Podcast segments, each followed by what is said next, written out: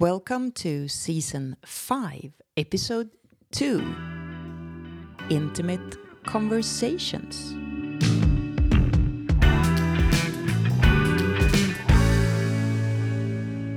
Yeah, we're going to talk about intimate conversations. And according to the Gottmans, there are three skills and one rule needed to make effective intimate conversations. So the rule is begin is important to start with the rule is understanding precedes advice. So you need to tell couples that not they should not immediately start with problem solving. Mm. Problem solving tends to, to shut people down or make them um, angry or upset or escalate the, the anger. So, advice should only begin when everyone feels understood and you really hear what the other person has to say. Now, sometimes I feel that understanding, listening is important. You, it might be completely incomprehensible for you what the other person is saying, but give them a chance to tell them everything that they feel and everything that they want to get across before you immediately start bombarding them with advice. Mm. Or perhaps too many questions in the beginning as well. Maybe just sort of let them, hmm, I hear what you're saying. Yeah, sometimes, uh, and I'm very good at this, is I uh, immediately have answers. I haven't even finished hearing what you say, but I have answers and solutions ready for you. And uh, sometimes it's far too inco- incomprehensible for you. So you just sort of stay with the question, I don't understand what you're saying, or I can't understand you. And that's not even a question, but that's that's where you sometimes end up too. So this is quite a difficult rule, I would say. Because you have to be able to sort of Not react. not react, but also sort of really, really try to to uh, put yourself in the other person's shoes to actually feel how they, what they are trying to say to you, to be them, to sort of, to understand it. So, what are the skills that we can use to to make this uh, conversation better? Well, the finding ways to put your feelings into words is skill number one. And for me, that might be easier than for you Yeah, because I feel the feels a bit more than you do and have a, a, a record of doing it. I mean, talking about feelings more regularly, more practice. more practice, yeah. Yeah, you're definitely more skillful at putting your feelings into words. Uh, I don't know if you have more feelings, but you notice more feelings than I do. Mm. The second one is uh, to ask open ended questions. Mm. And what is an open ended question then? Well, it's a question that can't be answered with a yes or a no. So, can you give me an example?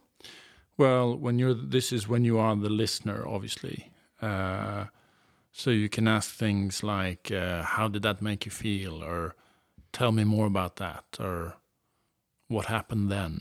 Mm, yeah, those are good questions because they don't make me defensive, sort of. Yeah. And then there's the third skill, which is expressing empathy. Yeah, and this one can be a little bit hard to explain as well. Um, but you really just need to confirm, validate what your partner has said so that they get a feeling that you've understood, you've given them a chance to put all the cards on the table and to express all their feelings and everything around that situation. Mm. So if I was a speaker and you were the listener in this case, I would I would really feel that you expressed empathy if you if I felt that you and I were a team against whatever it is that I have talked about. Mm. if you can sort of side with me and say, "Hey, honey, I'm with you in this one." Yeah, uh, your boss was a, a complete jerk. I Mhm. can understand why you're feeling this way. And this is an area that I also have difficulty in because sometimes I think you're completely nuts and I don't agree with anything that you just said. You actually think I'm the jerk and not the boss? Yes, Yeah. uh, sometimes that happens, and then it's very difficult to express the empathy uh, then. Mm. But you really do have to, or at least not be giving advice at that stage yet. Mm. So if I maybe have problems getting the empathy across, at least I shouldn't be accusing or siding with the other person at that stage or um, um, not supporting. Mm. We've also read up a bit about nonviolent communication and imago therapy, and they are quite similar to these three skills and the rule. And uh, if we look at one version of saying what nonviolent communication is, it includes four steps observing instead of evaluating, stating your feelings, expressing your needs, and making a request. So that's, in our eyes, very similar to what Gottman says is the, the rules and the skills for having an intimate conversation. Yeah, which is one of the many, many uh, Gottman tools available. Yeah. Uh, whereas nonviolent communication and Imago are, are very much built around this foundation. That's Mm. what they work on, Mm. only. My last reflection in this episode is around how they name it conversation, having a conversation instead of communicating Or arguing. or arguing. Yeah. Because having a conversation requires skills and effort. Communicating is, in my eyes, not really the same thing. No, but it could also come back to that the conversation is not it's not always the right timing for a conversation. So if you're very very upset or one of the people is very upset, Mm? that's maybe not the perfect timing to start this conversation either.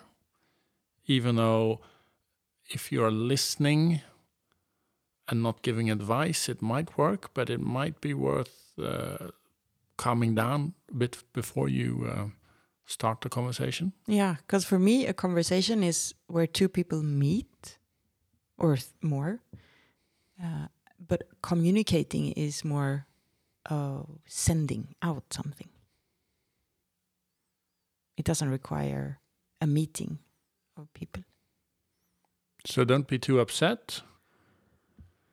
Use the skills. Follow the rules, Especially the rule especially the rule. understanding must come before advice. Try it out and see if that helps next time you're going to have a conversation with your partner.